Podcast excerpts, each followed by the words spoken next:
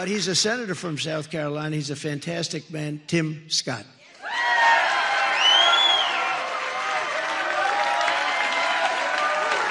Oh, yeah. Let, let me see. Let me see. Is this Donald Trump country? Oh, yeah. Let's see. I can't hear you. I can't hear you.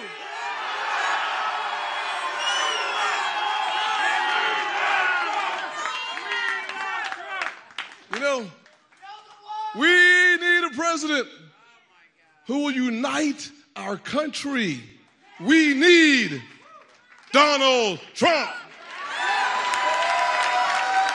We need a president who will protect your Social Security and my mama's Social Security. We need Donald Trump. We need a president today who will stop the crime and recklessness in the streets. We need a president who will restore law and order. We need Donald Trump. Ja, je hoort senator Tim Scott uit South Carolina, natuurlijk ook voormalig presidentskandidaat. En één ding is duidelijk: hij steunt Donald Trump. Ja, dat doen de mensen in de zaal ook. Dit was tijdens een rally in New Hampshire. En uh, waarom laat ik dit nu zien? Omdat komende dinsdag de voorverkiezingen in New Hampshire zijn. Uh, we spreken elkaar waarschijnlijk woensdag weer en dan kennen we de uitslag en dan weten we ook hoe dit verder gaat. Maar eigenlijk zijn er nu twee grote scenario's uh, mogelijk. we hebben ze eerder ook wel eens besproken. Lang verhaal kort. Of Donald Trump wint in New Hampshire. En dan acht ik eerlijk gezegd de kans dat Nikki Haley nog doorgaat met haar campagne erg klein. Dan heeft ze namelijk verloren in de staat waar ze uh, uh, maandenlang al haar energie, al haar geld, al haar mankracht in heeft gestoken. New Hampshire. En dan gaan ze vervolgens op naar South Carolina. En ja, wil je echt die beschamende vertoning dat je dan ook nog eens in je thuisstaat van Donald Trump uh, verliest, dan zou ik eerlijk gezegd mijn koffers al pakken. Ik denk dat Ron DeSantis dat ook niet wil meemaken. Dus die zal voordat de verkiezingen in Florida plaatsvinden... ofwel een overwinning op zijn naam moeten hebben staan... ofwel ermee stoppen. Hij lijkt het nu nog te gaan proberen... maar heeft ook geen campagne echt gevoerd in New Hampshire. Dus hij gaat meteen door naar South Carolina. Met andere woorden, die twee scenario's zijn... dan wel Trump wint in New Hampshire. Dan is het einde oefening, denk ik, voor deze, voor deze voorverkiezingen. Dan kunnen we toch echt wel met zekerheid zeggen... dat Donald Trump de Republikeinse presidentskandidaat is geworden. En hoe, dat heeft hij dan in een record tempo gedaan... Ofwel Nikki Haley wint in New Hampshire. Ja, en dan hebben we echt in ieder geval de mogelijkheid tot een tweestrijd. Nou, waarom laat ik dan nu dit fragment uh, horen? Omdat we hier senator Tim Scott hebben die Donald Trump steunt. En dat is veelzeggend om twee redenen. Eén, omdat Tim Scott een senator is uit South Carolina. Die heeft die baan overigens te danken aan Nikki Haley. Zij heeft hem daar ooit toe benoemd en een, uh, vervolgens is hij herkozen. Toch hebben die twee kennelijk geen goede relatie. Heeft hij er ook geen vertrouwen in dat zij de nominatie gaat winnen. Want hij kiest eieren voor zijn geld en steunt dus Donald Trump. Dat maakt het opmerkelijk uh, en ook pijnlijk voor haar natuurlijk dat hij dat doet.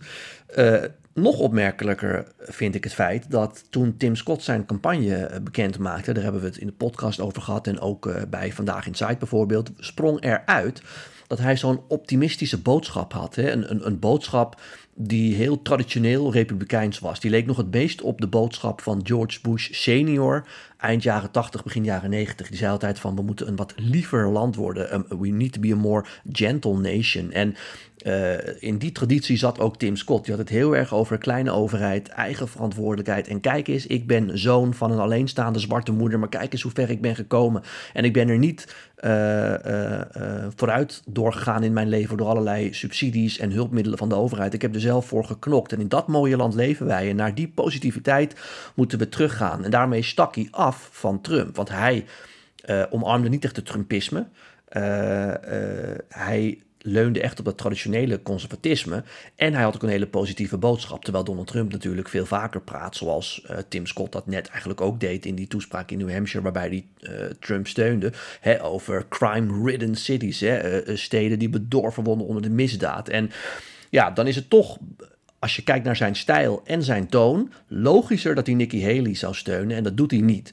Nou, dat geeft aan dat hij. Uh, Nou, dat geeft A aan, dat zei ik net, dat zijn relatie met Nikki Haley mogelijk een beetje verstoord is. Maar het geeft denk ik bovenal aan dat hij gewoon denkt dat dit een gelopen race is en dat Trump gaat winnen. Uh, Trump wil ook dat hij snel wint, daarom uh, laat hij niets aan het toeval over. Hij had natuurlijk ook met deze endorsement van Tim Scott kunnen wachten tot de voorverkiezingen in South Carolina bijna voor de deuren stonden over een paar weken. Dat had misschien slimmer geweest voor die staat. Maar Trump wil geen risico nemen. Die wil gewoon een keiharde klap aan Nikki Haley uitdelen in New Hampshire al. En vandaar dat hij met uh, deze steunbetuiging uh, niet heeft gewacht. En ja, het lijkt ook wel duidelijk dat een groot deel van de Republikeinse Partij er rekening mee houdt dat Donald Trump gewoon die nominatie binnen gaat slepen. Want uh, meer dan de helft van alle Republikeinse congresleden hebben al hun steun uitgesproken aan Donald Trump. Veel prominente senatoren hebben dat ook gedaan, onder wie bijvoorbeeld Marco Rubio, senator uit Florida. Die zou dan uh, Ron DeSantis moeten steunen, maar heeft dat niet gedaan. Omdat hij A denkt, ja, ik zie de bui al hangen, Trump gaat winnen. En ook daar is sprake van een toch wat vertroebelde relatie tussen die senator en de gouverneur Ron DeSantis. Dus spelen heel veel dingen op de achtergrond, maar lang verhaal kort. Donald Trump is bezig om een record aantal steunbetuigingen binnen te halen. Nog nooit had een kandidaat zoveel steunbetuigingen zo vroeg in het proces van partijgenoten. Ja, en dat lijkt er toch... Uh, wel sterk op dat al die partijgenoten, want dat zijn toch allemaal politici die met hun eigen uh, uh, zeteltjes bezig zijn, dat die allemaal denken dat Donald Trump gaat winnen. En natuurlijk zegt het ook iets, wat ik al veel vaker zeg, dat de Republikeinse Partij nu eenmaal de Trump-partij is. Met andere woorden, Trump dus goed bezig en lijkt hard op weg om in New Hampshire een mokerslag uit te delen. En ja, deze hele voorverkiezingen uh, uit te spelen. En Nikki Haley en Ron DeSantis genadeloos aan de kant te schuiven. Ja, Tenzij uh, waar is wat Chris Christie altijd zegt, hè, dat er toch een soort fluistercampagne gaande is. En dat mensen, zeker in New Hampshire, misschien niet uh, zo'n Trump, sorry, een, een Nikki Haley bordje voor de deur durven te zetten. Omdat ze bang zijn voor de reacties uit de Trump-kamp. Hun buurman is misschien voor Trump en wordt misschien boos als ze dat doen. Maar dat ze stiekem toch in het stemhokje wel stiekem Nikki Haley in uh, drukken of in noteren. En in dat geval gaat Trump die verkiezingen in New Hampshire verliezen. Is hij toch één tot twee weken lang voordat we naar South Carolina gaan de loser. En de vraag is hoe hij daar dan mee omgaat. Maar Trump laat niets aan het toeval over en pakt alles uit de kast. En ja, de Republikeinse Partij heeft zich inmiddels dus voor een heel groot deel achter Trump geschaard. Goed, tot zover wat mij opviel. Dat is dus die steunbetuiging van Trump en al die andere steunbetuigingen en wat dat betekent. Dan naar jullie vragen. Die hebben jullie allemaal ingestuurd via Twitter, Instagram en LinkedIn. Ja, uh, een aantal vragen over mijn theatertour die komen eigenlijk steeds op hetzelfde neer. Namelijk, um, um, ik, ik, ik, ik wil bijvoorbeeld in IJsselstein je zien of ergens anders, maar ik kan jou daar nog niet vinden. Nou, er zijn een handjevol theaters, ik denk een stuk of vier, vijf, die nog geen pagina hebben aangemaakt, maar die gaan dat wel een deze dagen doen. Dus wil je bijvoorbeeld mij in IJsselstein zien, de datum is bevestigd, hij gaat door. Maar kijk dan even volgende week nog even op de site, want dan kun je gewoon niet uh, bestellen nog. Of als je dat wel al voor de zekerheid wil doen, dan moet je even bellen. Goed, dan naar een vraag van Philip. Uh, goedemorgen Raymond, ik heb een vraag. Waarom heeft niemand het in Nederland over Robert F. Kennedy Jr.? Nou, Filip, ik wel. Uh, en ik heb het er ook een paar keer over gehad, zowel bij VI als bij Op1. Dus uh, ik heb dat wel gedaan. Uh, ik denk eerlijk gezegd, als ik mij een beetje inbeeld waarom programma's daar wat minder aandacht aan besteden, dat is omdat je dan heel veel moet uitleggen. Dus je, je wilt gewoon vaak in een soort korte update eventjes aan de kijker of de luisteraar of de lezer uh, vertellen wat er bij de Amerikaanse uh, verkiezingen gaande is. En dat je dan moet uitleggen dat Kennedy een onafhankelijke kandidaat is. Maar hij was democraat, maar nu niet meer.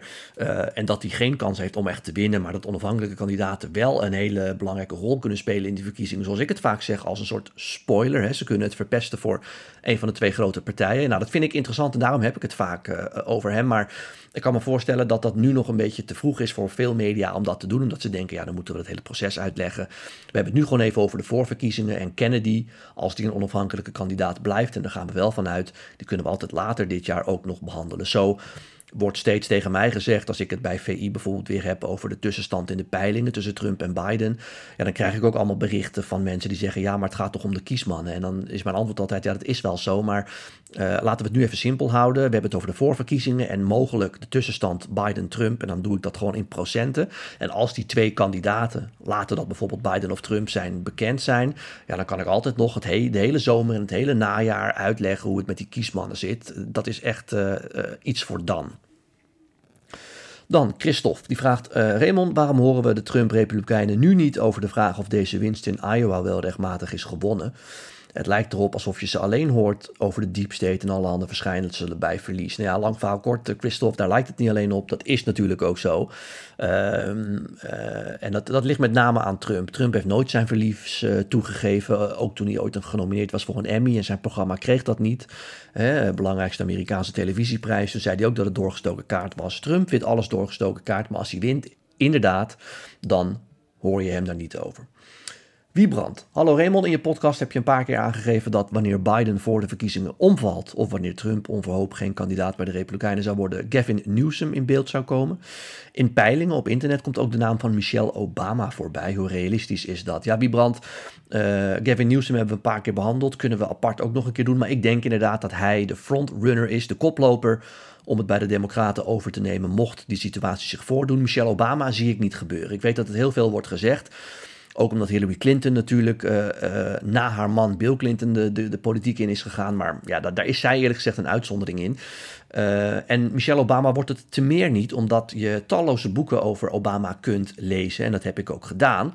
En daarin komt iedere keer hetzelfde plaatje naar voren. Zij heeft niet zoveel met de politiek. Sterker nog, zij wilde nooit dat haar man de politiek in zou gaan. Zeker niet de landelijke politiek. Zij was er echt op tegen. En pas op het laatste moment heeft zij gezegd: Oké, ik heb je verhaal gehoord waarom je dit wil doen. Ik heb ook je adviseurs inmiddels gesproken. Jullie lijken een heel goed plan de campagne te hebben. Ik steun dit. Uh, maar met frisse tegenzin. Dus ik denk eerlijk gezegd dat Michelle Obama blij is dat dit hele politieke avontuur voorbij is. En je zal haar zeker nooit terugzien in de politiek. Dan een vraag van Imre, die zegt: hey, Ik heb twee vragen, Raymond. Eén, hoe deze verkiezingen ook eindigen na het komende presidentstermijn, uh, is het toch het einde van het Trump-tijdperk? Uh, en twee, is het mogelijk om een gesigneerd exemplaar van Lang Leven Trump te kopen? Nou, om die tweede meteen te pakken. Af en toe heb ik acties en dan geef ik uh, gesigneerde exemplaren weg of dan kun je die uh, kopen. Als ik die niet heb, ja, dan zou ik op iedere vraag, bijvoorbeeld jouw vraag, nu in moeten gaan en er eentje moeten tekenen en opsturen. En dat klinkt heel charmant, maar dan blijf ik bezig. Dus soms is dat zo, dan moet je even mijn socials in de gaten houden. In dit geval nu niet. Um, en dan die eerste over het Trump-tijdperk. Ja, ik denk dus, dat is mijn theorie, en daar gaat inderdaad ook lang leven Trump over, dat het Trump-tijdperk nog wel even doordendert, ook als Trump er niet meer is. Zie Ron DeSantis. Hè, die is nu eh, te vroeg, denk ik, uh, het diepe ingedoken. Maar uh, ja, kijk ook naar de uitslag in Iowa. Als je Trump, DeSantis en vervolgens ook Vivek Ramaswamy bij elkaar optelt, dan kom je op iets van 80% van de stemmen uit die gewoon voor een Trumpist hebben gestemd. Dus het is echt mijn stellige overtuiging, ook als Trump de verkiezingen verliest of president wordt, maar vier jaar afzwaait, dan, ja, dan dendert dat Trumpisme echt nog wel even door. En dan is er ruimte voor mensen als DeSantis of andere Trumpisten in de Republikeinse Partij om Trump op te volgen. Het Trumpisme is natuurlijk niet een eeuwig leven beschoren. Dat is natuurlijk ook zo. Dus uiteindelijk, als Trump er niet meer is en niet meer die dominante kracht is in die partij, dan zullen er ook tegenkrachten vrijkomen die ja, een kans maken om misschien het Trumpisme ooit opzij te schuiven. Maar dat het na hem nog wel even doorgaat, daar ben ik echt van overtuigd. Dan uh, Henno die vraagt, wat is de rol van de politieke partijen en hoe zijn ze georganiseerd? Uh, bepalen de partijen bijvoorbeeld welke personen wel of niet namens hun partij kandidaat worden? En is er een voorselectie bij de verkiezingen? En hebben ze ook een rol of een invloed bij het opstellen van het verkiezingsprogramma? Nou Henno, uh, lang verhaal kort. Um, er is eigenlijk vrijwel geen regie van die partijen. Uh, zij bepalen niet wie er presidentskandidaat wordt. Als dat zo was, had Trump nooit presidentskandidaat bij de Republikeinen geworden in 2016. Want hij werd intens gehaat door de elite van die partij. Um, er vindt ook geen voorselectie plaats. Iedereen kan zeggen: ik ben ineens een republikein of een democraat en ik stel mij kandidaat. Uh, ze kunnen alleen uh, af en toe wat voorwaarden stellen wat betreft dingen die zij zelf organiseren. Dus om een voorbeeld te noemen, in de presidentsdebatten deze ronde bij de Republikeinen hebben ze geprobeerd om het aantal mensen op het podium beperkt te houden. En dus hebben ze steeds gezegd: je moet minimaal zoveel uh, donaties hebben en zoveel uh, steunbetuigingen of handtekeningen opgehaald hebben, wat dan ook, of zoveel procent in de peilingen scoren. En dan nodigen we je uit voor het debat. Nou, het is ze daarmee gelukt om steeds minder kandidaten op het podium te hebben, want die regels werden steeds verscherpt en uiteindelijk bleven er maar een paar over. Maar uiteindelijk, ja, kan ik alsnog zeggen, ik stel me toch kandidaat en dan doe ik maar niet mee aan die debatten. Dus uh, uiteindelijk uh, hebben ze vrij weinig te zeggen. Een echt verkiezingsprogramma wordt er ook niet geschreven. Degene die de verkiezingen wint, bepaalt eigenlijk het programma. Zijn platform, hè, zijn platform, zo noemen ze dat in Amerika, wordt het partijplatform. En daarom is sinds de overwinning van Trump, hè, het Trumpisme, we plaatsen Amerika weer op één, ook het hoofdplatform van de Republikeinse Partij. Nou, mocht Nikki Haley nu winnen, dan wordt dat drastisch anders. Maar anders dan blijft dat uh, zo. Dus die hebben er eigenlijk vrij weinig over te zeggen. Uh, zelfs als het gaat om de hele organisatie, hebben toch die uh, democratische en republikeinse partijcomité's ehm, toch heel veel afhankelijkheid van kandidaten. Dus om een voorbeeld te noemen, Obama was echt een van de eerste presidentskandidaten met een heel groot ehm, uh, hoe zeg je dat, een hele grote internetorganisatie met allerlei e-mailadressen en zo. Dat was ontzettend waardevol toen. Die wist precies waar de democratische kiezers woonden. Maar toen Obama president af was, heeft hij dat allemaal met zich meegenomen en is hij naar de en heeft hij dat allemaal ingezet voor de Obama Foundation die hij heeft opgericht. Uh, en bleef de Democratische Partij gewoon met niets achter. En Hillary Clinton zegt, mede daardoor heb ik de verkiezingen verloren, want ik had geen enkele uh, partijorganisatie. Terwijl de Republikeinse Partij al langer heeft gezegd, wij houden dat zelf in huis en niemand mag dat meenemen, ook Trump niet. En daardoor lopen inmiddels de Republikeinen voor op de Democraten als het gaat om die online organisatie. Dus partijen zijn er eigenlijk best wel zwak georganiseerd, moet ik zeggen. Goed, tot zover weer. Dank voor jullie vragen. Blijf die opsturen, want dan gaan ze gewoon op mijn hele lange lijst. Uh, en dan beantwoord ik die weer in een volgende podcast. Tot zover, tot dan.